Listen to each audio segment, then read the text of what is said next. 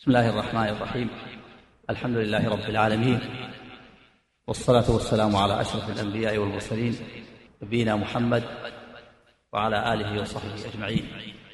أما بعد فإن علم أصول الدين أشرف العلوم وأجلها وهو العلم بالله بأسمائه وصفاته وأفعاله وعظيم حقه سبحانه على عباده. وقد افتتح الإمام الطحاوي رحمه الله رسالته بقوله نقول في توحيد الله معتقدين بتوفيق الله أن الله واحد لا شريك له ولا شيء مثله ولا إله غيره. وهو يشمل أنواع التوحيد الثلاثة التي عرفت بالاستقراء وهي توحيد الربوبية وتوحيد الأسماء والصفات وتوحيد الإلهية. وتوحيد الربوبية وتوحيد الأسماء والصفات وسيلة إلى توحيد الألوهية. وتوحيد الإلهية هو العباء هو الغاية الذي من أجله خلق الله الخلق. فإذا عرفنا الله بأسمائه وصفاته وأفعاله وجب علينا أن نخصه بالعبادة وأن نفرده بها سبحانه وتعالى. والله سبحانه وتعالى فطر الخلق على الإقرار بربوبيته والاعتراف. فطر الخلق على معرفة الله بربوبيته وأسمائه وصفاته وأفعاله. فتوحيد الربوبية أمر فطر الله عليه جميع الخلق إلا من شذ من طوائف من بعض طوائف بني آدم. ومشرك الأمم السابقة يعترفون بهذا التوحيد ولا ينكرونه. أمة الهند أمة الترك أمة البربر وكذلك الأمم السابقة الذين بعث الله إليهم الأنبياء السابقين قوم نوح وقوم هود وقوم صالح كلهم يعترفون بتوحيد الربوبية ويقرون به ولا ينكرونه. ويحلفون بالله كما أخبر الله أن قوم صالح التسعة الرهط الكفار أقسموا بالله حالفوا بالله على قتل نبيهم صالح. ومع كون توحيد الربوبية أمر فطري فطر الله عليه الخلق كلهم إلا من شذ جاء أهل الكلام المتأخرين وأهل النظر وأهل الفلسفة وأهل التصوف فتعبوا في إثبات هذا التوحيد وتقريره فجعلوا يدعبون كثيرا ويتعبون ويقررون النظريات ويسوقون الأدلة لإثبات هذا التوحيد مع أنه أمر فطر الله عليه الخلق جميعا. ولهذا قال في رسل الأمم أفي الله شك فاطر السماوات والأرض؟ وحتى إن الحيوانات العجماوات فطرها الله على معرفة ربها وأن الله في السماء وأنه في العلو. لكن الفلاسفة تعبوا في إثباته وتقريره حتى قال بعضهم أنه لا يمكن معرفته حتى قال بعض أهل الكلام وأهل النظر إنه لا يمكن تقريره بالعقل وإنما يتلقى من السمع. وكذلك الفلاسفة ابن سينا والفارابي تعبوا في إثبات في إثبات الخالق. يتعبون ويدأبون كثيرا ويصلون في النهاية إلى إثبات واجب الوجود. إلى أن هذا الوجود له واجب يسمونه واجب الوجود. والمخلوق يسمونه ممكن الوجود. فهم يتعبون كثيرا. وفي النهاية في نهاية المطاف يصلون إلى أمر برز فيهم برز عليهم فيه عباد الأصنام والأوثان. عباد الأصنام والأوثان معترفون بوجود الله ما عندهم إشكال. ولا عندهم تعب في هذا. بخلاف الفاسق عندهم تعب تعب طويل. يقررون ويذكرون الأدلة وكذلك أهل الكلام وأهل النظر يركبون الأدلة في إثبات حتى يصلوا إلى إثبات وجود الله. وكذلك أهل التصوف الصوفية. الصوفية يرون أن توحيد الربوبية هو النهاية وهو الغاية. حتى إنهم يفنون فيه إذا وصلوا فنوا فيه فنوا في توحيد الربوبية.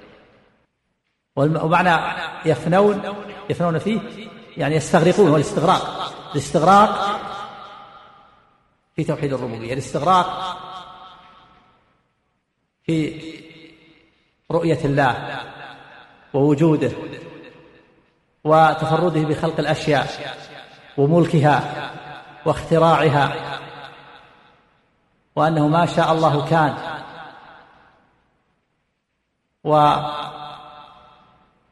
ويستغرقون في شمول مشيئة الله وشمول ربوبيته للأشياء وقيوميته وشمول قدرته ونفوذ مشيئته.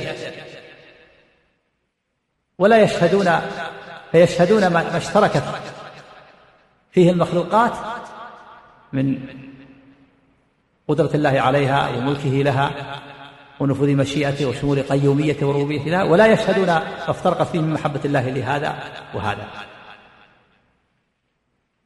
والفناء يعده الصوفية غاية ويعدونه نهاية التوحيد. والصوفية انتشروا في كل مكان من أرجاء الدنيا. فلا بد من معرفة توحيدهم وفنائهم حتى يكون الإنسان على بصيرة. ولا سيما وأن العالم صار كحلقة واحدة.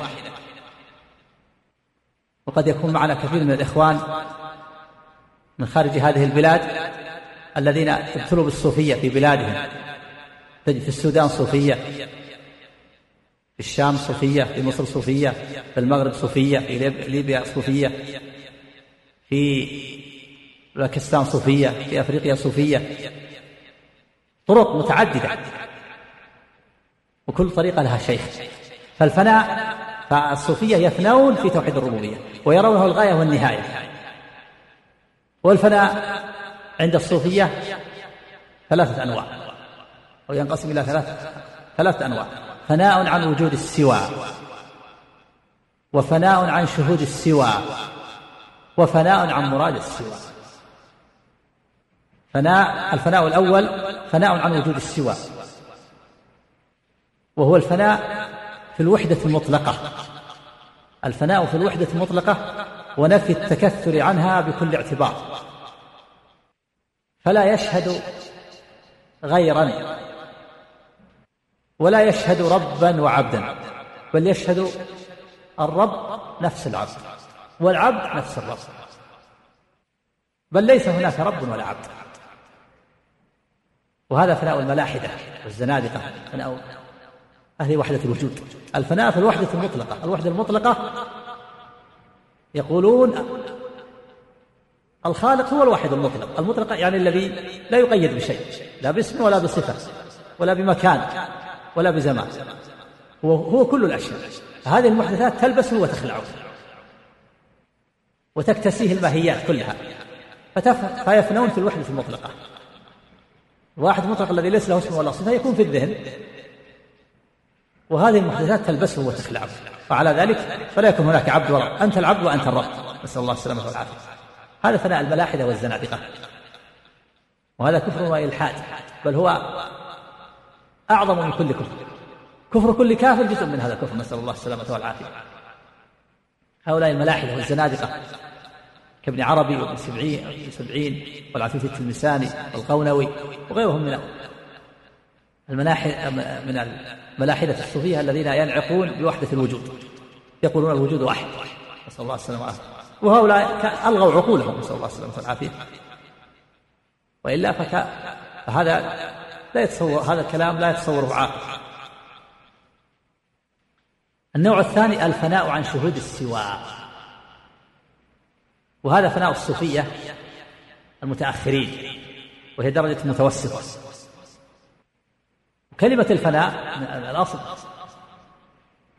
كلمة وضعت يعنون يعنون يعنون بها يعني الصوفية تجريد شهود الحقيقة الكونية والغيبة عن شهود الكائنات. هذا الفناء تجريد شهود الحقيقة الكونية والغيبة عن شهود الكائنات المخلوقات كلها يغيب عنها ينساها. فلا يكون إلا يجرد شهود الحقيقة الكونية وهو الله وجود المطلق عنده. ويغيب عن شهود المخلوقات كلها. تجريد شهود الحقيقة الكونية والغيبة عن شهود الكائنات. لكن الملاحدة الزنادقة ملاحدة الوجود يغيبون عن وجودها عن وجود المخلوقات بمعنى أنهم ينكرون وجود المخلوقات. فلا يقولون إن هناك خالق مخلوق. بل كل ما تراه هو هو الخالق. كل ما تراه مظاهر لتجلي الخالق. من سماء وأرض ومتحرك وساكن وناطق كلها مظاهر لتجليه وأسماء وصفات. وهو الموجود المطلق وهو كل شيء. يلبسه كل شيء ويخلعه كل شيء. نسأل الله السلامة والعافية. أما النوع الثاني فهو الفناء عن شهود السواء. وهذا هي الذي هذه هي درجة المتوسطة. بين بين بين الملاحدة وحدة الوجود وبين أهل الشريعة. وهي التي بنى أبو إسماعيل الهروي عبد الله بن محمد الصوفي الحنبلي كتابه مدارج السالكين. آه، كتابه منازل السائرين. منازل السائرين بين إياك نعبد وإياك نستعين الذي شرحه العلامة ابن القيم رحمه الله في مدارج السالكين. وحقيقة هذا الفناء غيبة أحدهم عن سوى مشهوده غيبة أحدهم عن سوى مشهوده مشهوده هو الله. فلا يشاهد إلا الله ويغيب عما سواه بل غيبته عن شهوده نفسه. يقول أنا أنا لا أشاهد إلا الله. أنا ما أنكر وجود المخلوقات لكن أغيب عنها أتناساها حتى لا تشوش علي أوجه أنا أوجه شهودي لله فقط. أما أنظر إلى سماوات وأراضين وآدميين وحيوان ونبات هذه تشوش علي ما أستطيع. شوش علي. أنا أريد أجمع همتي على الله فلا أشهد إلا الله. وأغيب عما سواه غيبة أحد عن سوى مشهوده. بل غيبته عن شهوده نفسه. فيغيب, فيغيب بموجوده عن وجوده. ويغيب بمعبوده عن عبادته ويغيب بمذكوره عن ذكره. فهو يغيب بالله عن المخلوقات فلا فلا يراها. يغيب بمو بموجوده عن وجوده يغيب بمعبوده الذي هو الله عن عبادته. يعني يتناسى العبادة من أجل أنه نظر إلى المعبود فقط. يغيب بمذكوره عن ذكره لا يذكر الله لأنه غاب غاب بمذكوره عن الذكر. فهو يغيب بالمحبوب. وقد يقوى شهود القلب بمحبوبه يقول الله هو محبوبه فيغيب به يتناسى ما سواه حتى لا يشوش عليه بزعمه. وقد يقوى شهود القلب بمحبوبه في حتى يغيب به فيظن أنه اتحد به وامتزج. بل يظن أنه هو هو من شدة من شدة الشهود. من شدة قوة الشهود. من شدة قوة شهود القلب. يقوى شهود القلب بمحبوبه فيغيب به حتى يظن أنه اتحد به وامتزج به بل حتى يظن أنه هو أنه هو. كما يحكى أن رجلا غاب بمحبوبه له محبوب فغاب به. غاب به ونسي نفسه.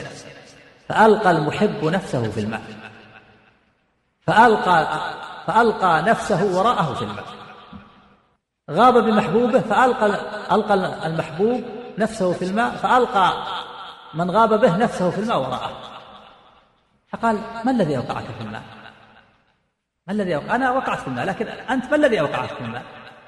قال غب قال غبت بك عني فظننت أنك أنت.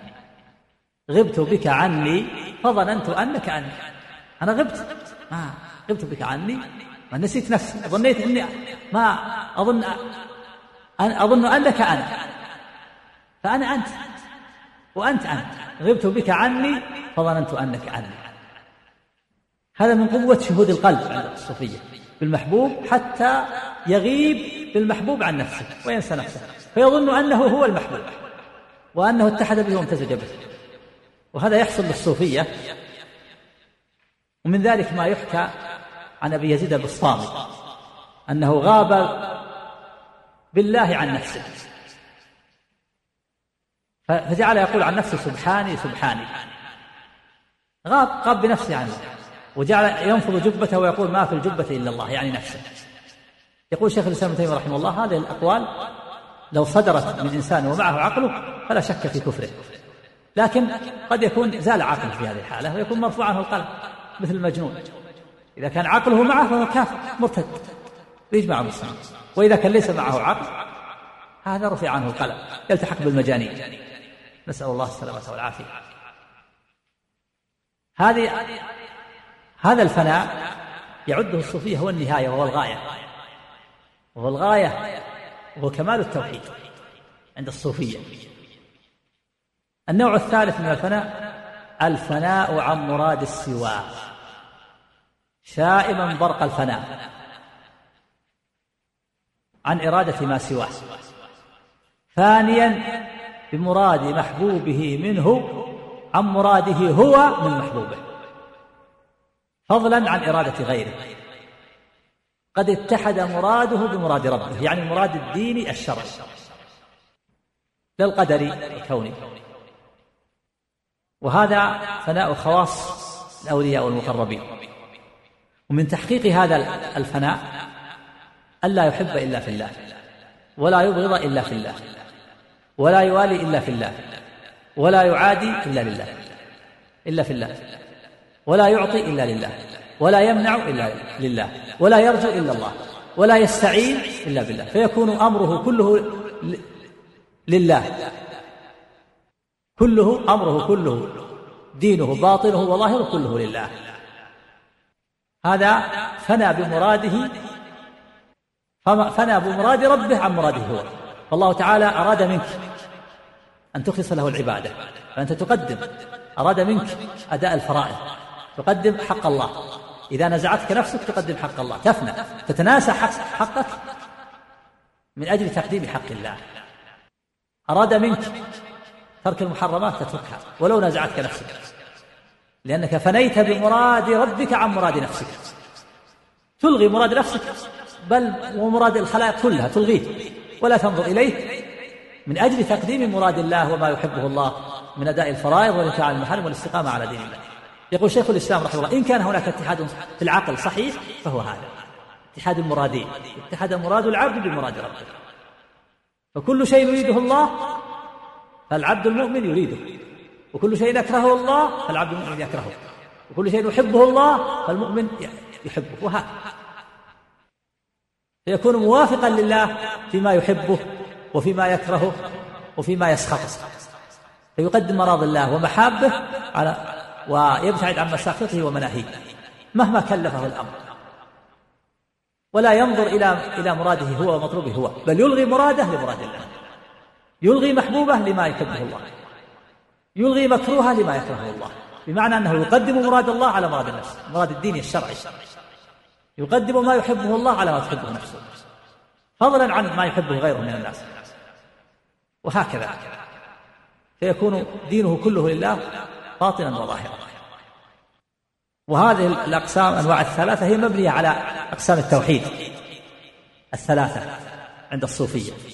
فإن أقسام التوحيد فإن التوحيد ثلاثة أقسام عند الصوفية. بالنسبة للناس يقسمون الناس إلى ثلاثة أقسام. ويقول التوحيد ينقسم ثلاثة أقسام. توحيد العامة وتوحيد الخاصة وتوحيد الخاصة بالخاصة فالعامة هم أهل الشريعة والخاصة هم أهل الحقيقة وخاصة الخاصة هم أهل التحقيق. والعامة هم الذين لهم الشريعة التكاليف والأوامر والنواهي. والطاعات والمعاصي.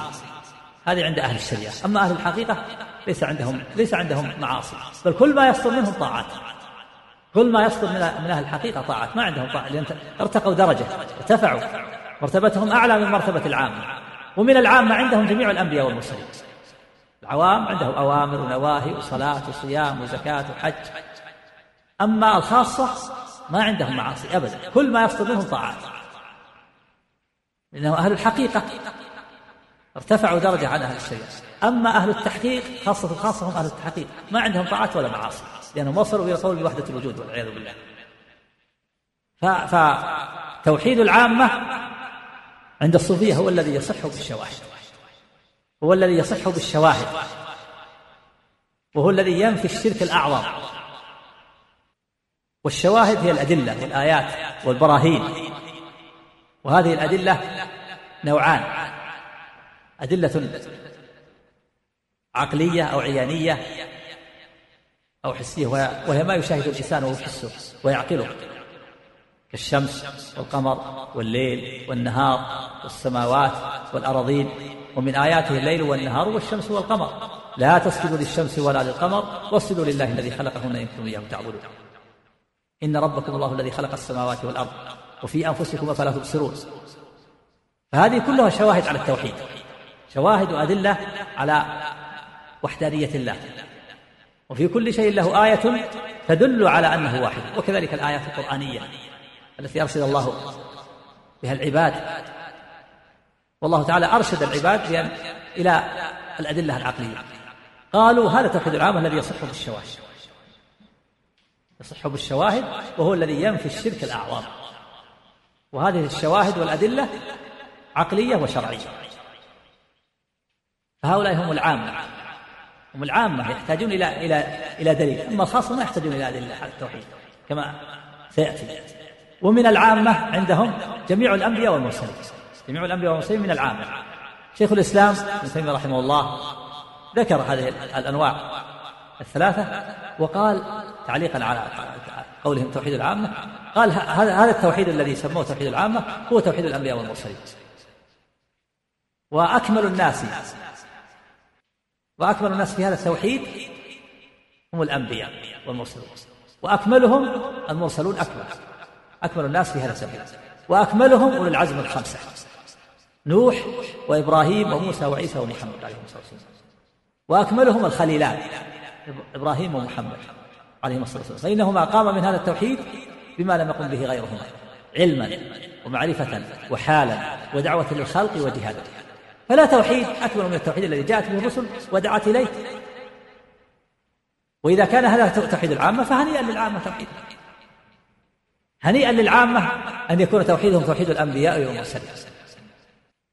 ويقول الصوفية إن هذا التوحيد توحيد العامة هو الذي ينفي الشرك الأعظم. وهذا يدل على كماله وشرفه. هذا التوحيد يدل على كماله. قامت عليه الشواهد. ونادت عليه الأدلة. وهو ينفي الشرك الأعظم. الشرك الأعظم ينفيه عن الله عز وجل. فيكون العبد مخلصا لله عز وجل.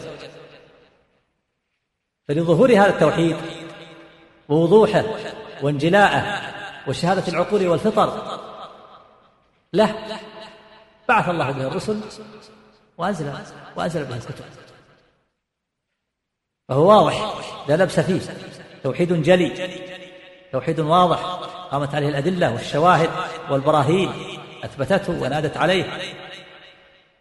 وأوضحته وبينته وقررته وجاء به الأنبياء والمرسلون ونفى الشرك الأعظم.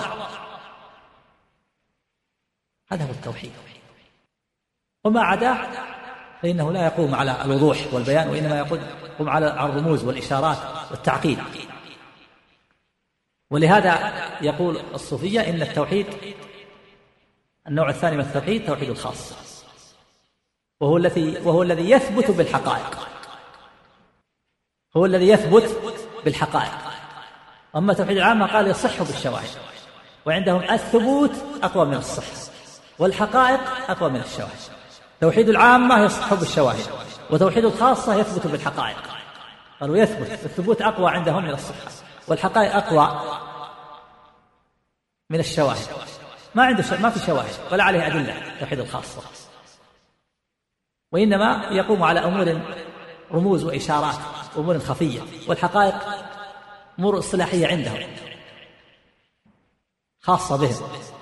يسمونها الكشف والقبض والبسط والمعاينة والاتصال والانفصال وغير ذلك من الاصطلاحات التي اصطلحوا عليها لا يعرفها إلا هم. أمور خفية ليست ظاهرة. وقالوا في تعريف هذا التوحيد توحيد الخاصة قالوا هو إسقاط الأسباب الظاهرة هو إسقاط الأسباب الظاهرة والصعود عن منازعات العقول وعن التعلق بالشواهد وهو ألا يرى في التوحيد دليلا ولا في التوكل سببا ولا في النجاة وسيلة فيكون مشاهدا سبق الحق بحكمه وعلمه ووضعه الأشياء مواضعها. وتعليقه إياها بأحايينها وإخفائه إياها في رسومها. ويتحقق معرفة العلل ويسلك سبيل إسقاط الحدث. هذا هو هذا هو توحيد الخاصة الذي يصح بعلم الفناء ويصفو في علم الجمع ويجذب إلى توحيد أرباب الجمع. فإذا توحيد الخاصة عندهم هو إسقاط الأسباب الظاهرة تسقط الأسباب تبطل الأسباب كلها ليس هناك أسباب. والأسباب الظاهرة. يحتمل أن يريد بها الأسباب التي جعلها الله أسبابا وجعل فيها قوة أو طبائع كالإحراق للنار. هذا سبب النار سبب في الإحراق. والقطع للسكين. والأكل سبب في الشبع. والشرب سبب في الري. والعين سبب في الإبصار. والأذن سبب في الاستماع. هم يقولون ما هناك سبب. ليس هناك سبب اسقط الأسباب الظاهرة كلها. فليست النار محرقة ما ليست النار فيها قوة الإحراق. وليس السكين فيها قوة القطع. وليس الأكل فيه قوة الشبع. وليس الشرب فيه قوة الري. وليس العين فيها قوة الإبصار. وليس الأذن فيها قوة الاستماع. وليس الكسر فيه قوة الانكسار. وليس العلم فيه قوة الاستدلال هذه كلها ليست أسباب. فإذا قيل لهم كيف؟ نحن الآن نرى إذا إذا أشعلنا النار أحرقت وإذا جرى السكين قطعت. قالوا لا إن الله يوجد هذه الأشياء عند ملاقاتها لا بها. يوجدها عندها لا بها. فالله تعالى يوجد الإحراق عند عند إشعال النار لا بالنار. ويوجد القطع عند إجراء السكين لا بالسكين. والله تعالى يوجد الإبصار عند فتح العين لا بالعين. ويوجد الاستماع عند فتح الأذن لا بالأذن. ويوجد الاستدلال عند العلم لا بالعلم. وهكذا. فقالوا ليس هناك أسباب. حتى يقولوا إن المؤثر هو الله فقط لأن درجتهم درجة متوسطة. يريدون أن يصلوا إلى القول بوحدة الوجود. ويحتمل أن يريدوا بالأسباب حركة الأسباب أعمال العباد. فليست الأعمال سبب أعمال العباد من الطاعات والمعاصي ليست الطاعات سبب في دخول الجنة وليست المعاصي سبب في دخول النار. تسقط هذا إسقاط الأسباب الظاهرة. وإنما دخول الجنة بمشيئة الله من دون حكمة ودخول النار بمشيئة الله. هكذا يقول.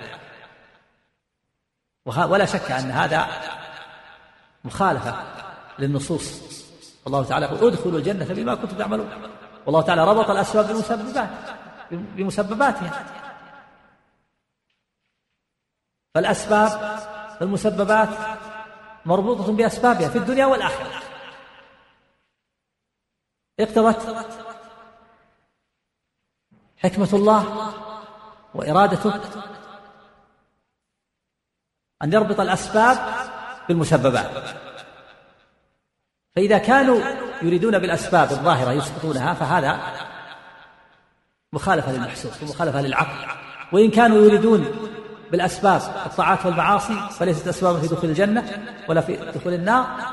فهذا أيضا مخالفة للنصوص الشرعية. وقالوا الأسباب الظاهرة احترزا من الأسباب الباطنة. لأنهم لو قالوا إسقاط الأسباب الباطنة الإيمان من الأسباب الباطنة سبب في دخول الجنة. والتوحيد توحيد سبب من الأسباب الباطنة. فمن قال إنه ليس سببا في دخول الجنة فقد انسلخ من الدين والإسلام وخلع ربقة الإيمان. لكن قالوا الأسباب الظاهرة. وعلى كل حال فالأمر خطير. هذا الكلام خطير. إسقاط الأسباب سواء كانت الأسباب الأسباب العادية أو إسقاط الطاعات والمعاصي. تسقطها فليست الطاعة سببا في دخول الجنة وليست المعاصي سببا في دخول النار. وهو إسقاط الأسباب الظاهرة. والصعود عن منازعات العقول. يعني تصعد عن منازعات العقول. يعني فلا تنازع بمعقولك. ما جاءت به الرسل. هذا ظاهره لا بأس به. تصعد عن منازعات العقول. ولا وما أفسد أديان الرسل إلا أرباب منازعة العقول. الذين ينازعون بمعقولهم ما جاءت به الرسل. في إثبات ما أثبتوه ونفي ما نفوه. وإيجاب ما أوجبوه وتحريم ما حرموه. والصعود عن منازعة العقول وعن التعلق بالشواهد يقولون لا تتعلق بشاهد. لا تتعلق بدليل بأي دليل؟ ألغي الأدلة كلها فليس هناك دليل على التوحيد. وليس هناك أدلة على وجود الله كل هذه ألغيها. الصعود عن منازعة عن التعلق بالشواهد. وهو أن لا يرى في التوحيد دليلا ولا في التوكل سببا ولا في النجاة وسيلة. لا يرى على التوحيد أي دليل. فيكون توحيده توحيد غامض ليس عليه دليل لا عقلي ولا شرعي. ولا في وهو لا يرى في التوحيد ولا في التوكل سببا. يلغي الأسباب. توكل على الله اعتمد على الله من دون سبب. ألغي. الأسباب كلها أبطلها وألغها بل إنهم يقولون إن هذه من مقامات إن هذه علل في مقامات الخاصة توكل تلغي الأسباب كلها. تلغي الأسباب فلا يكون مع التوكل شيء. بل يكفي أن تفوض أمرك إلى الله من دون أن تفعل شيء. بل إنهم قالوا إن التوكل هذه من مقامات العامة. توكل. فيه علل لا بد أن تزيحه. وهو وهو أن المتوكل يشهد متوكلا ومتوكلا عليه ومتوكلا فيه ويشهد نفس توكله وهذه عمل في طريق الخاصة المتوكل يقول إذا توكل المتوكل على الله عنده أربع علل لا بد أن يزيحها العلة الأولى أنه يشهد متوكلا نفسه يشهد نفسه متوكلا. والأمر الثاني يشهد متوكلا عليه وهو الله. والعلة الثالثة يشهد متوكلا عليه الشيء الذي يتوكل على الله فيه. والعلة الرابعة يشهد نفسه توكلا. وهذه كلها علل عند الخاصة في طريق الخاصة وعمى تعميهم وترجعهم إلى الإسلام فلا بد من إزالتها يعني يبطل التوكل كما أن الخوف خوف من الله علة أيضا. فيه علل مصحوب بالخوف. والرجاء علة عند الخاصة من الصوفية. لا بد أن نزيله يقولون وليس في الرجاء إلا فائدة واحدة وهو أنه يبرد حرارة الخوف فقط. وإلا فهو علة يجب إزالته والدعاء دعاء علة وهكذا. هي هذه كلها من مقامات العامة. الدعاء والتوكل والرجاء والخوف والصلاة والصيام والزكاة والحج كل هذه عند العام عند العامة. ومن العامة جميع الأنبياء والمرسلين. أما الخاصة لابد أن يزيلوا هذه هذه الأشياء هذه علل في طريقهم إلى الله زعمهم ولهذا قال وهو أن لا يرى في التوحيد دليلا ولا في التوكل سببا ولا في النجاة وسيلة ما يرى على التوحيد أي دليل لا عقلي ولا شرعي ولا ولا يرى سببا مع التوكل ولا يرى في النجاة من النار وسيلة ليس هناك وسيلة. فالأعمال الصالحة ليست وسيلة في النجاة من النار. بل النجاة من النار بالمشيئة المحضة هكذا النجاة من النار بالمشيئة المحضة ودخول الجنة بالمشيئة المحضة وليس هناك حكمة. الحكم ليس لله حكمة في ذلك. وليس في الأشياء قوة ولا طبائع ولا غرائز ولا أسباب ولا علل ولا حكم. ليس هناك إلا المشيئة الإلهية. يقول المشيئة الإلهية تخبط خط عشوائي تجمع بين تجمع بين المتفرقات وتفرق بين المتماثلات. هكذا يقول. فعن المشيئة الإلهية يصدر كل حادث ويصدر مع الحادث حادث آخر ويصدر مع الحادث حادث آخر مرتبط به ارتباطا عاديا لا أن أحدهما سبب في الآخر. هكذا يقول. نسأل الله السلامة والعافية. وهذا هو مذهب الجبرية. ورئيسهم الجهم بن صفوان. وعلى هذا تكون الشرائع عبث لا قيمة لها. والكتب عبث التي الكتب السماوية عبث والشرائع عبث لا قيمة لها. ما لا قيمة؟ لأن لأن لأن الأعمال ليس سببا في دخول الجنة ولا في النجاة من النار. إذا كانت الأعمال الصالحة ليست سببا في دخول الجنة وكذلك الأعمال السيئة ليس سببا في دخول النار ما الفائدة من الشرائع؟ تكون الشرائع عبث. تكون الشرائع كلها عبث. طرد هذا المذهب مفسد للدنيا والدين ولجميع أديان الرسل. وهم في خاصة أنفسهم لا يستطيعون طرد هذا المذهب. ما يستطيعون يفعلون الأسباب. يأكلون ويشربون ويبيعون ويشترون وينكحون ويبذرون ويزرعون. هذه كلها أسباب. هذه كلها أسباب. قد فطر الله الخلق على فعل الأسباب. وفطر الله الخلق على بطلان هذا هذا المذهب الخبيث. لو لو طردوا مذهبهم ما أكلوا يقول لا تأكل. هذا سبب حتى يأتي إنسان يفتح فمك ويضع فيه الأكل. ولا تشرب كذلك. ولا تبيع ولا تشتري. اجلس في بيتك. هذه أسباب. ولا تتزوج. ولا تبذر. ولا تزرع. ولا تطالب بحقك إذا أخذ حقك أو ضربت. ما يطالب بحقه لأن كلها أسباب. لكنهم لكن يعملون بالأسباب في أمور الدنيا لكن في أمور الدين يبطلونها. نسأل الله السلامة والعافية. هذه طريقة متوسطة. ولهذا يقول هو ألا يرى في التوحيد دليلا ولا في التوكل سببا ولا في النجاة وسيلة إذا ماذا يعمل؟ مصا إذا كان التوحيد ما عليه دليل. والتوكل ليس معه أسباب. وليس هناك وسيلة في النجاة من النار. ماذا يعمل؟ يقول يكفيها المشاهدة مشاهدة الله. فقط. فيكون مشاهدا سبق الحق بحكمه وعلمه. يكفي. الحق هو الله. سبق الحق بحكمه وعلمه. الله تعالى علم الأشياء قبل كونها وكتبها في اللوح المحفوظ وقدر وجودها في في أوقاتها المحددة ويكفي. يكفي أن تشاهد سبق الله بحكمه وعلمه للأشياء. يكون مشاهدا سبق الحق بحكمه وعلمه ووضعه الأشياء مواضعها وإخفائه إياها في رسومها وتعليقه إياها بأحايينها يعني أن كل شيء معلق بزمن بأحايينها الأزمان. كل شيء له زمن وله مكان وله مادة تحمله. فأنت الآن يكفيك أن تشاهد أن الله سبق بحكمه وعلمه بالأشياء وأن كل شيء له زمن محدد. وكل شيء له مكان محدد. وكل شيء له مادة تحمله. فيكون مشاهدا سبق الحق بحكمه وعلمه ووضعه الأشياء مواضعها. هذا المكان كل شيء له موضع ومكان وتعليقه إياها بأحايينه هذا الزمان. وإخفائه إياها في رسومه هذه المادة الحاملة للشيء. وما دام كل شيء مكتوب الآن مكتوب. الله تعالى سبق علمه وحكمه بكل شيء.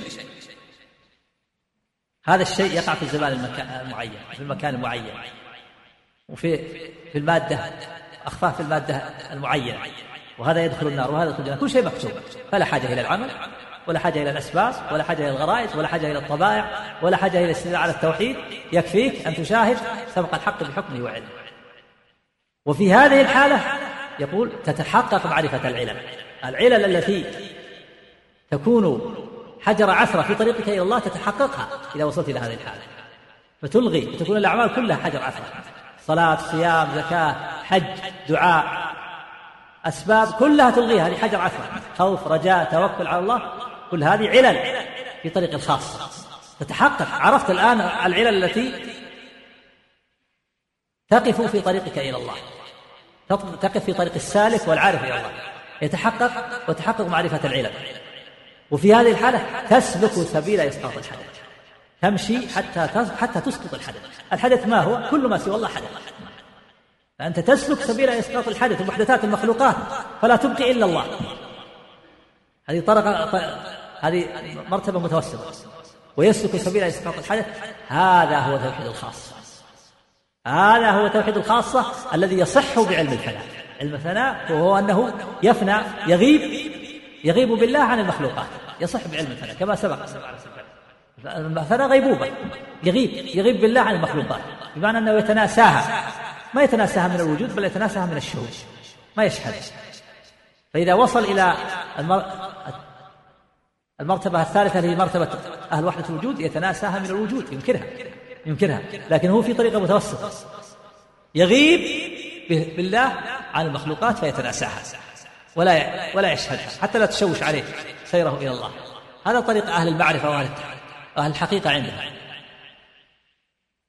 هذا هو توحيد الخاصة الذي يصحو بعلم الفناء ويصفو في علم الجمع. يصفو في علم الجمع. الجمع بين الخالق والمخلوق تجمع بينهما حتى يكون شيئا واحدا. ويجذب إلى توحيد أرباب الجمع اللي هم الاتحادية الذين يقولون يجمعون بين الخالق والمخلوق فيقول الخالق هو المخلوق والمخلوق هو الخالق. هذا يجذب إليه يجذب إليه. هذا هو مذهب هؤلاء. أما وهؤلاء يسمون أنفسهم أهل الحقيقة ويسمون أهل التوحيد الأول أهل الشريعة. وليس عندهم طاعات ولا معاصي لأنهم وصلوا إلى العلم. ولأن كل واحد منهم يعلم أن ما قدر سيكون ويلغي صفاته وأفعاله ويجعله صفات لله وحينئذ فلا, فلا فليس هناك تكاليف وليس هناك طاعات. بل كل بل معاصي بل كل ما يصدر من الواحد فهو طاعة. كل ما يصدر. إذا زنى يكون طاعة إذا سرق يكون زاد طاعة إذا كفر يكون طاعة. نسأل الله السلامة والعافية. هؤلاء أهل أهل الحقيقة. أما الأوامر والنواهي هناك شيء حرام وشيء حلال هذا عند أهل الشريعة. أما أهل الحقيقة ما عندهم ما عندهم حلال وحرام. كل ما يصدر حلال كل ما يصدر من الواحد حلال وطاعة. ويستدلون بمثل قوله تعالى واعبد ربك حتى يأتيك اليقين وفسروا اليقين بالعلم.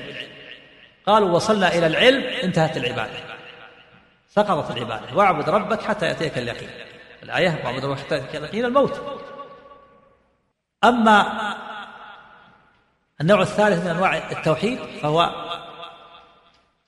توحيد خاصة الخاصة ويسمون أنفسهم أهل التحقيق وهو التوحيد القائم بالقدم التوحيد القائم بالقدم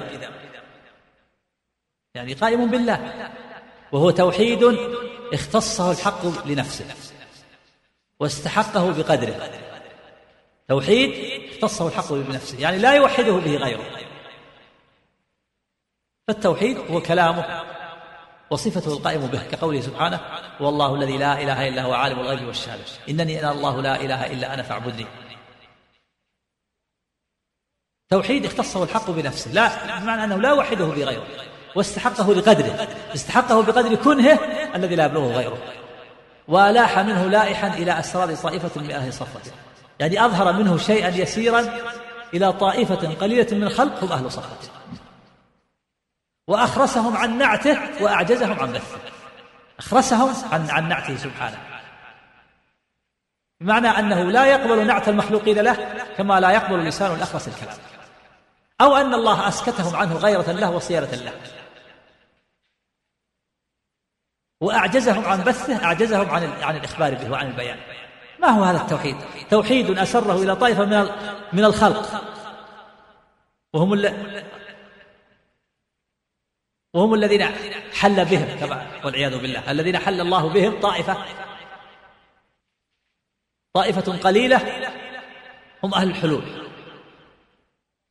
أسر إليهم شيء من التوحيد ومع ذلك أخرسهم عن نعته وأعجزهم عن بثه يعني لم يمكنهم من الكلام ما هذا الكلام الذي يدندن حوله هؤلاء الصوفية ما هو التوحيد الذي لا يتكلم به الإنسان؟ الإنسان يتكلم. إذا أعطاه القدرة على الكلام وإن كان الناس يتفاوتون في البيان والإيضاح. لكن كل ما علمه القلب أمكن التعبير عنه باللسان. وإن اختلفت العبارة وضوحا وخفاء. ولهذا يقول الهروي في هذا في بيان هذا التوحيد توحيد خاصة الخاصة ما وحد الواحد من واحد. إذ كل من وحده جاحد. توحيد من ينطق عن نعته. عارية أبطلها الواحد. توحيده إياه توحيده ونعت من ينعته من ينعته لاحد ما وحد الواحد من واحد. يعني ما, ما وحد الله أحد سواه. لأن التوحيد الحقيقي هو الذي يتضمن شهود ذات الواحد وانفراده بخلاف العبد إذا وحد الله فتلك ثنانية ظاهرة يشاهد نفسه ويشاهد ربه وهذا شرك عندهم. فالتوحيد الحقيقي هو الذي يتضمن شهود ذات الواحد وانفراده والذي تتلاشى فيه الأكوان وتضمحل فيه الرسوم وتزول الرسوم والعبد المخلوق حينما يشاهد يوحد ربه يشاهد نفسه ويشاهد ربه. وهذا ليس بتوحيد بل التوحيد هو الذي تتلاشى فيه الرسوم وتضمحل فيه الأكوان ولا يبقى شيء إلا الله. وهذا حينما يكون الرب هو الذي يوحد نفسه بنفسه. فهو الموحد والموحد فلا اثنينية ولا تعدد فهو الموحد وهو الموحد. ما وحد الواحد من واحد من زائدة إيه، ما وحد الواحد أحد من الخلق. إذ كل من وحده جاحد. كل من وحد الله من الخلق فهو جاحد لحقيقة التوحيد. فإن حقيقة التوحيد تتضمن شهود ذات الواحد وانفراده. وإذا وحد واحد من الخلق ما في انفراد في تثنية. وأيضا كل من وحد الخالق كل من وحد الله من الخلق فقد وصفه بالصفات. وهذا جحود للتوحيد الذي هو عدم انحصاره في الأوصاف. ما ينحصر في وصف هو كل شيء. فإذا وحده معناه وصفه بوصف وحصره في وصف وهذا شرك ليس بتوحيد. توحيد يتضمن عدم انحصاره تحت الأوصاف. ولهذا قال ما وحد الواحد من واحد إذ كل من وحده جاحد.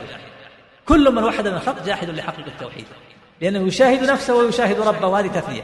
ولأنه وصفه فجعله محصورا وهو لا يدخل تحت الأوصاف. توحيد من ينطق عن نعته عارية أبطلها الواحد. توحيد من ينطق عن نعته كل من ينطق عن الله كل من ينطق من البشر بنعت الله وينعت الله فنطقه ونعته عارية. عارية استعارها من الله. وهي مردودة على صاحبها كما تسترد العواري.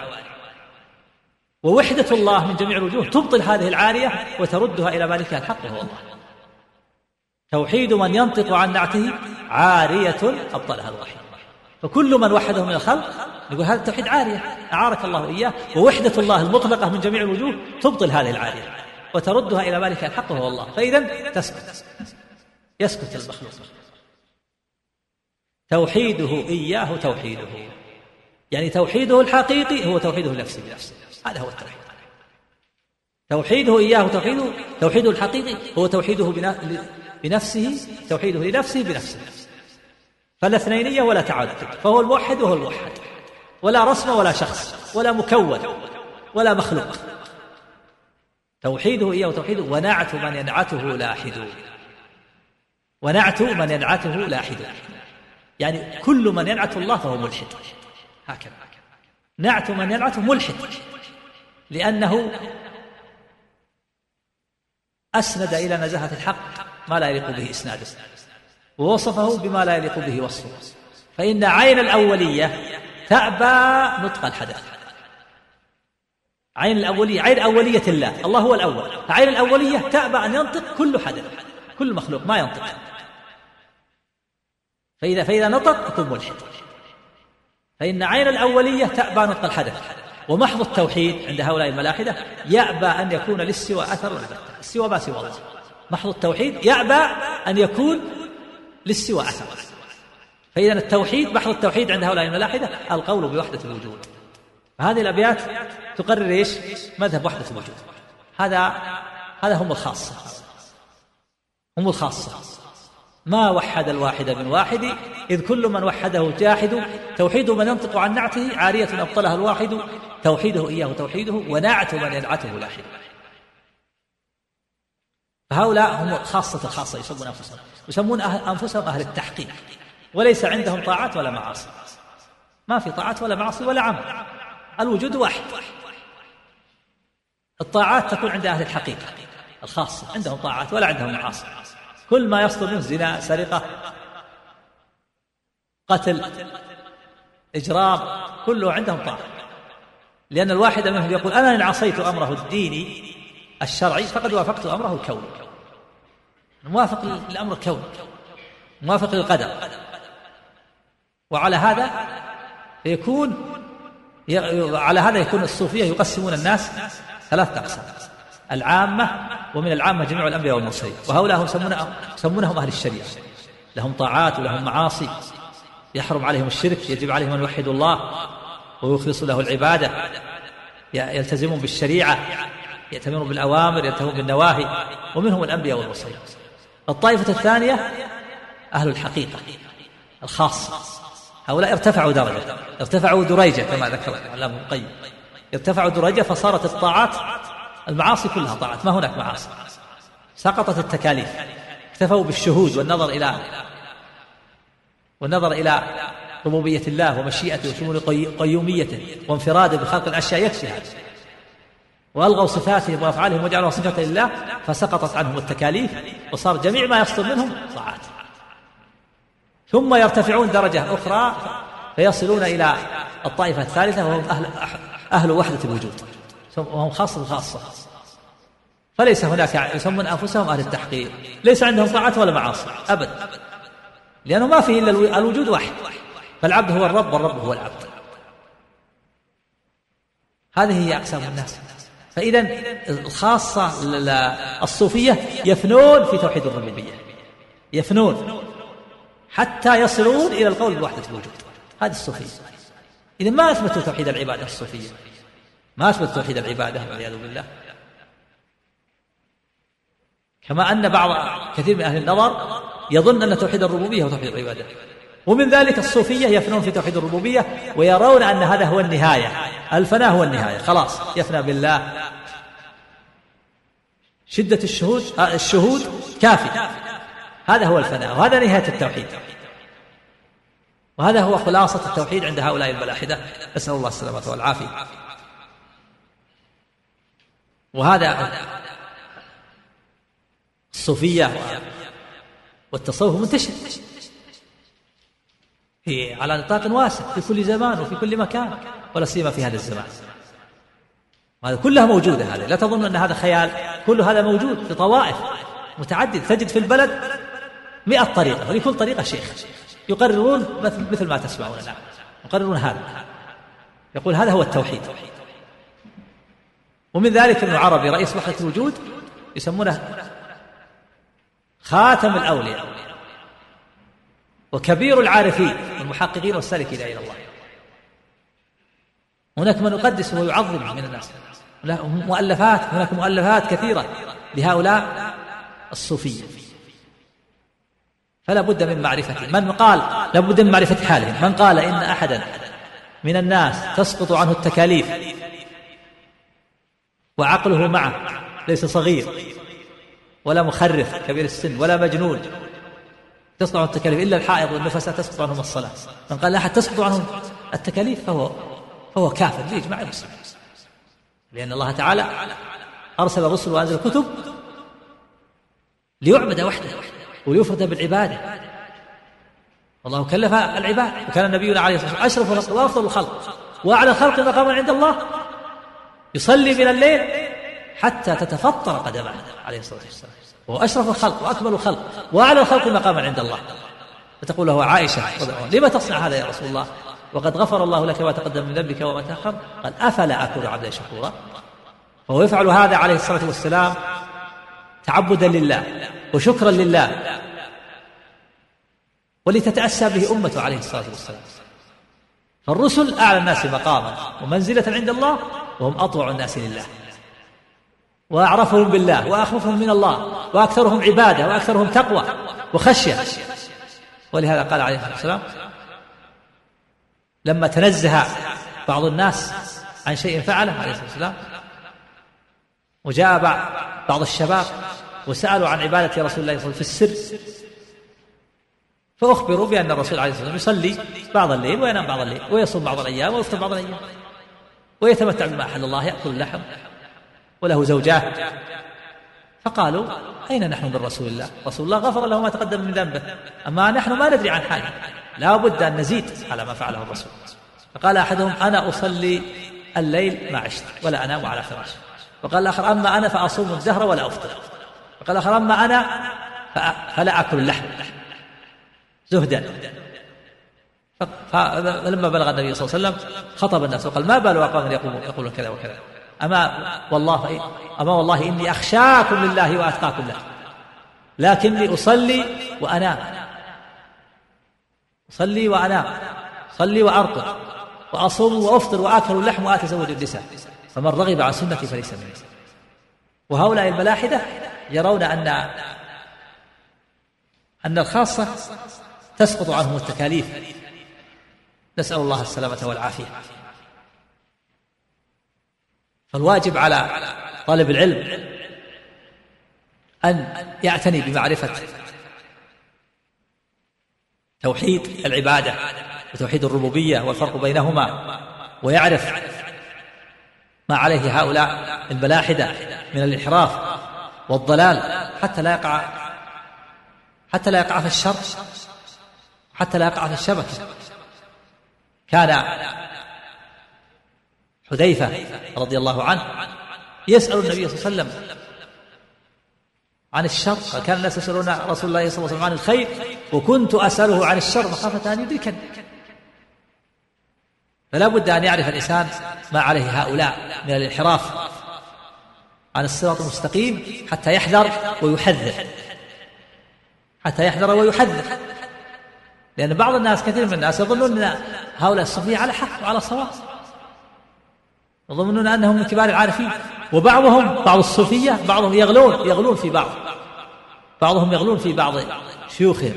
ويزعمون أنهم أن بعض الصوفية لهم تصرف في الكون بعض. حتى قال بعضهم إن البله البله وهم ضعفاء العقول. قد قد يكون له قد يكون ولي من أولياء الله وأنت لا تشعر. قد يكون قطب من الأقطاب يتصرف في الكون وأنت لا تشعر. يقول ما تدري لا أنت هذا هذا الأبلة اللي تجده الآن ترك أظافيره طويلة وعليه ثياب خلقة شقق الثياب ومرمي على زبالة. ما تدري لعل هذا ولي يتصرف في الكون. يمكن يتصرف في الكون هذا ولي. هكذا يقولون. يزعمون أن بعض البله يتصرف في الكون. يقول هو ولي هذا ولي. ولي. لكن ما ما تعلم عنه. ترك أظافره وشعوره وثيابه آه، متوسخة ومرمي في الزبالة ولا أحد يعرفه. وهو قطب من الأقطاب يتصرف في الكون. حتى قال بعض هناك أقطاب وأوتاد يتصرفون في الكون. غلوا فيهم نسأل الله السلامة. وهذا شرك في الربوبية أعظم من الشرك في الألوهية. ومنهم من يزعم أن الرسول عليه الصلاة والسلام كذلك يخرج وأنه يحضر حفل الصوفية يكون معهم ويؤيدهم. ومنهم من يزعم أن الرسول أنه جاء إلى الرسول ومد إليه الكف وأعطاه كذا وكذا. ومنهم من يزعم أن الرسول عليه الصلاة والسلام يخبره ببعض الأشياء ويقره على بعض الأشياء. ومنهم من يزعم أن الرسول يأتيه في المنام. كل هذه أقوال باطلة. فلا بد لطالب العلم أن يكون على بصيرة يكون طالب العلم عنده بصيرة.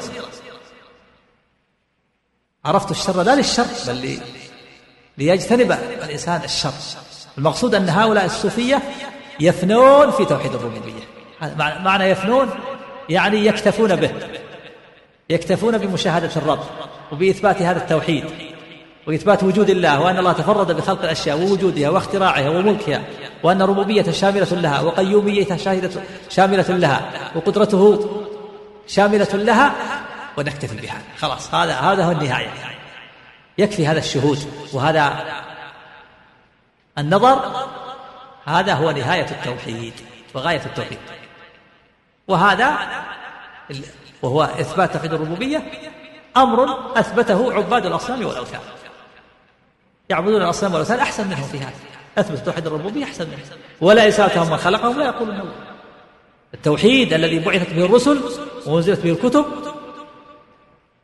هو إفراد الله بالعبادة وإخلاص الدين لله. ألا لله الدين الخالص. وما أمروا إلا ليعبدوا الله مخلصين له الدين. حنفاء إياك نعبد وإياك نستعين. وما أرسلنا من قبلك من رسول إلا نوحي إليه أنه لا إله إلا أنا فاعبده. التوحيد الذي بعث الله به الرسل وأنزل به الكتب وإفراد الله بالعبادة وإخلاص الدين لله والله تعالى عرفنا بنفسه وبأسمائه وصفاته وأفعاله وعظيم الحق لنعبده ولنخصه بالعبادة. لا لنكتفي بالشهود أو لنفنى في توحيد الربوبية ونقف عند هذا الحد وتوحيد العبادة يأتي الكلام عليه إن شاء الله. وفق الله الجميع لطاعته ورزق الله الجميع العلم النافع والعمل الصالح. صلى الله على محمد وآله وسلم. هؤلاء هؤلاء ألغوا عقولهم. هؤلاء ألغوا عقولهم. لكن هذا هذا كلام موجود الآن. في المؤلفات مؤلفات كتب محققة منقحة بأوراق ثقيلة وحروف بارزة. هناك من يعتني بها ويعتبرونهم من كبار العارفين والمحققين. ويعتبرون أن هذا نهاية التوحيد. نسأل الله السلامة والعافية. نعم. بسم الله الرحمن الرحيم. الحمد لله وصلى الله وسلم على رسول الله أما بعد. هذا يقول فضيلة الشيخ إنا نحبك في الله ونشهد الله على ذلك. أحبك أحبك الله الذي أحببتنا فيه ونسأل الله أن يجعلنا وإياكم من المتحابين في فيه سبحانه وتعالى وأن يحشرنا جميعا في زمرة المتحابين في الله. قد ثبت الحديث القدسي أن الرب سبحانه يقول أين متحابون في جلاله؟ اليوم أظلهم في ظلي يوم لا ظل إلا ظلي. نسأل الله أن يجعلنا وإياكم منهم. يقول هل ابن سينا كافر أم أنه رجع في آخر حياته؟ ابن سينا من الفلاسفة المتأخرين ويسمى يسمونها المعلم الثالث والمعلم الأول إرسطو والمعلم الثاني الفارابي والمعلم الثالث ابن سينا. وإرسطو هو أول من ابتدع القول بقدم العالم وأن العالم قديم. وخالف الفلاسفة الذين قبله. وكان الفلاسفة والأساطين قبل أرسطو يعظمون الشرائع والإلهيات ويثبتون وجود الله وأن الله وأن الله فوق العرش ويعظمون الشرائع والإلهيات والعالم حادث خلقه الله. ومنهم أفلاطون. الشيخ أرسطو. فلما جاء أرسطو ابتدع قولا عظيما. ابتدع القول بأن العالم قديم. يعني قديم كقدم الله. لم يخلقه الله بمشيئته وقدرته. ولم يثبت وجودا لله إلا من جهة كونه مبدأ عقليا للكثرة وعلة غائية لحركة الفلك فقط. يقول مبدأ الكثرة. هو الذي يحرك الفلك. ثم جاء الفارابي من وضع علم المنطق حروف المنطق. ثم جاء الفارابي وتوسع في علم المنطق. يسلمون يسمونها المعلم الأول. وهو لم يثبت وجود الله ولا للملائكة ولا للكتب ولا للرسل ولا لليوم الآخر ولا للقدر ملاحده ثم جاء ابن سينا أبو علي بن سينا يسمونه المعلم الثالث. فحاول أن يجمع بين الفلسفة والإسلام وأن يقرب الإسلام من الفلسفة. لكن في محاولته الشديدة لم يصل إلى ما وصلت إليه الجهمية الغالية في التجهد والجهميه الغالية في التجهد أحسن حالا منه وأسد مذهبا. واصح مذهبا من مذهب ابن سينا. معنى الغاليه الجهمية الغالية في التجهم ما يثبتون شيء لا صفات ولا أسماء. فهو لما جاء ابن سينا من محاولته أثبت وجودين. قال هناك وجودين وجود واجب ووجود ممكن. وجود واجب وجود الله وجود ممكن وجود المخلوق لكن وجود الواجب ليس له اسم ولا صفة ولا علم ولا قدرة ولا سمع ولا خلق الخلق بقدرته بل هو وجود مطلق في الذهن. هذا من محاولته. التقريب إلى إيش؟ إلى الإسلام. أما الفارابي وأرسطو ما أثبتوا شيء أبدا ما أثبتوا وجودين لكن هذا من محاولته التقريب. ثم الملائكة. ما أثبت الملائكة. أثبتهم على أنهم أشخاص وأشكال نورانية. ما هم ليسوا ذوات ولا تصعد وتنزل. لا. بل هو أشكال نورانية. وإذا تقربوا إلى الإسلام قالوا عبارة عن أمور معنوية القوى العقلية التي تبعث على الخير. والكتب. قالوا فيض. معنى أن يفيض من العقل الفعال على رجل عبقري. والرسول رجل عبقري. في صفات من توفرت فيه فهو فهو نبي. قوة الإدراك قوة التخيل والتخيل وقوة التأثير. وهذه الصفات يمكن يحصل عليها الإنسان بالمران والخبرة والكسب. ليست هبة من الله النبوة بل هناك أعلى منها. النبوة. الفلسفة أعلى منها. كثير من الفلاسفة ما يرضى بالنبوة. يقول النبوة هذه منزلة ليست عالية. بل هي منزلة هابطة هناك ما هو أعلى منها وهي النبوة وهي الفلسفة النبوة فلسفة العامة والفلسفة نبوة الخاصة والنبوة الخاصة أعلى من النبوة العامة.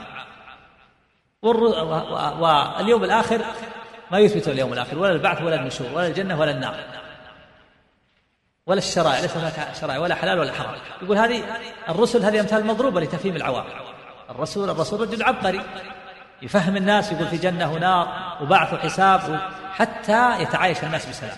وحتى لا يعتدي أحد على أحد. ولا الواقع ما في لا جنة ولا نار ولا بعث ولا نشور هذا مذهب ابن سينا. يسميه ابن القيم إمام الملحدين. إمام الملحدين. كما في إغاثة اللهفان الجزء الثاني. سماه إمام الملحدين. وله كتاب الإشارات. كلها إلحاد وزندقة. والنصير الطوسي الذي تسبب في في جلب التتار وسقوط بغداد أخذ كتاب ملحد أخذ كتاب الإشارات لابن سينا وأراد أن يلغي القرآن ويجعلها بدل القرآن. فلما لم يوافقه الناس قال هذه قرآن الخواص كتاب لابن سينا وهذا قرآن العوام. وحاول أن يختصر الصلوات الخمس إلى صلاتين. نسأل الله السلامة والعافية. ويقول ابن سينا عن نفسه أنا وأبي من دعوة الحاكم العبيدي. ودعوة الحاكم العبيدي رافضي خبيث. لا يؤمن بالله ولا ملائكته ولا كتبه ولا رسله ولا اليوم الآخر ولا بعض الناس اغتر يقول ابن سينا الفيلسوف الإسلامي. يعتز به فيلسوف إسلامي. وسمي باسمه كتب ومدارس مؤلفات صحيح لو هو طبيب لا بأس. له كتاب القانون. لا بأس يسوي من الطب يسوي من الصيدلة. لكن ما ينبغي أن يسمى باسم الملحد هذا. هو ملحد ليس من الإسلام في شيء. لكن بعض الناس بعض الأدباء بعض المذيعين في بعض الإذاعات ما يعرفون حاله. فيعتزون يقول فالفلاسفة فلاسفة الإسلام الفارابي وابن سينا نعتز بهم. هذولا ملاحدة زنادقة ليسوا من الإسلام بشيء. أما كونه رجع ما ندري عن رجع ما, ما نعلم هذا لكن هذه هذا هذه الأمور كتبه مؤلفاته في إنكار البعث. ويقول إن البعث الأرواح موجودة كتبه. النجاة كتاب النجاة. فهذه هي الموجودة. أما كونه رجع فيحتاج إلى دليل إذا وجد ثبت أنه رجع وجد في كتاب وعرف تاريخه أنه رجع؟ نعم. أما أما هذه مسألة بعض الناس يقول كل كل بعض الناس يقول رجع. هذه احتمالات احتمالات تحتاج إلى دليل. فهذه الآن مؤلفاته الآن وهذا هو اعتقد نسأل الله السلامة والعافية. نعم. وهذا يقول فضيلة الشيخ ما رأيك في من يقول لماذا تدرسون عن المعتزلة والخوارج وغيرها من الفرق مع أنها فرق قديمة مندثرة؟ ليست مندثرة. من يقول أنها مندثرة؟ امتلأت الأرض بهم. الجهمية موجودة. بعض المدرسين يقول بعض الطلاب بعض المدرسين يقول الله ما أدري في السماء وفي الأرض. جهم. من يقول أنهم انقرضوا؟ ما انقرضوا. ما الآن الأرض منهم. في كل مكان الآن. في كل مكان جهمية ومعتزلة والأشاعرة أكثر وأكثر. نعم. وهذا يقول كنت خارج البلاد وصليت في مسجد عدة مرات. وسمعت من بعض الإخوة أن إمام هذا المسجد ينكر النزول. ما حكم إنكار ذلك وما حكم الصلاة خلفه؟ يختلف إن كان هذا الرجل يفعل شيء من الشرك والوثني يعبد يدعو غير الله ويذبح الأولياء وفعل شرك. أما هذا يحتاج إلى قيام الحجة عليه لكنه جاهل ما يدري. يحتاج إلى فإذا فعل مكفر لكن لما يفعله مكفرا فلا تصح صلاة خلفه يحتاج إلى قيام الحجة عليه مسألة النزول. إذا كان ماله مكفر آخر يحتاج إلى قيام. وإلا نصوص النزول متواترة. لكن في الغالب أن أن بعض الأئمة ولا سيما بعض يكون عندهم مكفرات. وأنواع أخرى. المقصود أن القاعدة إذا كان الإمام الذي يصلي خلفه فعل مكفرا قامت عليه الحجة واضح؟ لا تصح الصلاة وإن كان بدعة أو فسق فقال بعض العلماء تعيد الصلاة وقال آخرون لا تعيد. والصواب أنه لا لا تعيد. فإذا عاد على قول بعض العلماء حسن. لكن الصواب أنه لا يعيد إلا إذا فعل إذا كان فعل مكفر.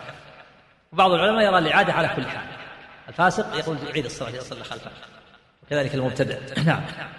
وهذا يقول فضيلة الشيخ ما رأيكم في قول بعضهم إني أعبد الله لا رجاء في جنته ولا خوفا من ناره ولكن حبا له.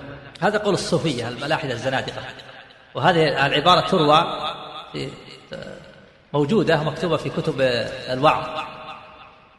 في كتب الوعظ التي تقرأ على الناس بعض الناس يقرأها في المساجد. موجودة أظن في الكتب التي تقرأ الكتب كتب ابن الجوزي وغيرها. بعضهم ينقلها كتب الوعظ التي يقرأ على الناس في رمضان وفي غيره. وينسبون هذا الكلام إلى رابعة العدوية وأنها قالت ما عبدت الله خوفا من ناره ولا طمعا في جنته فأكون كأسير السوء ولكن عبدته حبا لذاته وشوقا إليه. ما أعبد الله خوف رجاء إذا عبدت إذا عبدت الله خوف رجاء معناه صرت نفعي ما أنفع نفسي فقط أنا أعبد حبا لذاته وشوقا إليه. حتى قال بعض الصوفية أنا أنا لا أبالي أنا لا أبالي أنا أعبد الله ولا أبالي. وضعني في النار أو في الجنة ما أبالي بل بعضهم يفضل أن يجعل في النار. على أن يجعل في الجنة. يقول يقول لأن لأن الجنة تميل نفسه إليه تتمتع. أما النار يعاكس مراده وهو يحب النار. نسأل الله السلامة والعافية. فهذه فهذه مقالة مقالة الملاحدة والزنادقة. والعبادة لا تكون إلا بالحب والخوف والرجاء. لا بد يعبد الإنسان ربه حبا وخوفا ورجاء. قال الله تعالى عن أنبيائه ورسله الذين أفضل الناس وأخص الناس وأعرف الناس بالله لما ذكر إبراهيم وعليه الصلاة والسلام وإسحاق ويعقوب ونوح وداود وسليمان وأيوب وزكريا وعيسى واليسع وذا الكفل. قال إنهم كانوا يسارعون في الخيرات ويدعوننا رغبا ورهبا. شوف انظر إنهم كانوا يسارعون في الخيرات ويدعوننا رغبا ورهبا. رغبا هذا الرجاء ورهبا هذا الخوف. يدعون الله يعبدون الله خوفا ورجاء. أشرف الخلق. وقال عن في وصف عباده المتقين يدعون ربهم خوفا وطمعا ومما رزقناهم ينفقون. فلا تتم العبادة إلا بالحب والخوف والرجاء. ولهذا يقول العلماء من عبد الله بالحب وحده فهو زنديق ومن عبد الله بالخوف وحده فهو مرجئ فهو حروري من الخوارج ومن عبد الله بالرجاء وحده فهو مرجئ ومن عبد الله بالحب والخوف والرجاء فهو مؤمن موحد. نعم حتى بعضهم بعض الصوفية والعياذ بالله لهم كلام لهم كلام شنيع لهم كلام ويقول إن إنه إذا كان يوم القيامة ينصب خيمته على النار ويخرج من النار أو يمنع من دخول النار أصحابه وأصدقائه الذين على كلام والعياذ بالله. كفري. نسأل الله السلامة والعافية. نعم. وهذا يقول فضيلة الشيخ ما رأيكم في هذا النشيد؟ إن تدخلني ربي الجنة هذا غاية ما أتمنى. وهل في ذلك إنكار الرؤية؟ يخشى مثل ما قال البلقيني في الكشاف اعتزلت من الكشاف استخرجت من الكشاف الإزالة بالمناقيش.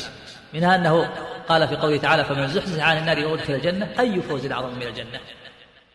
وقصده بذلك إنكار الرؤية لأن الرؤية أعظم أعلى نعيم وطهر الجنة. هذا يخشى ينبغي أن يكون أقول لا ينبغي ما ينبغي قراءة هذا النشيد نعم.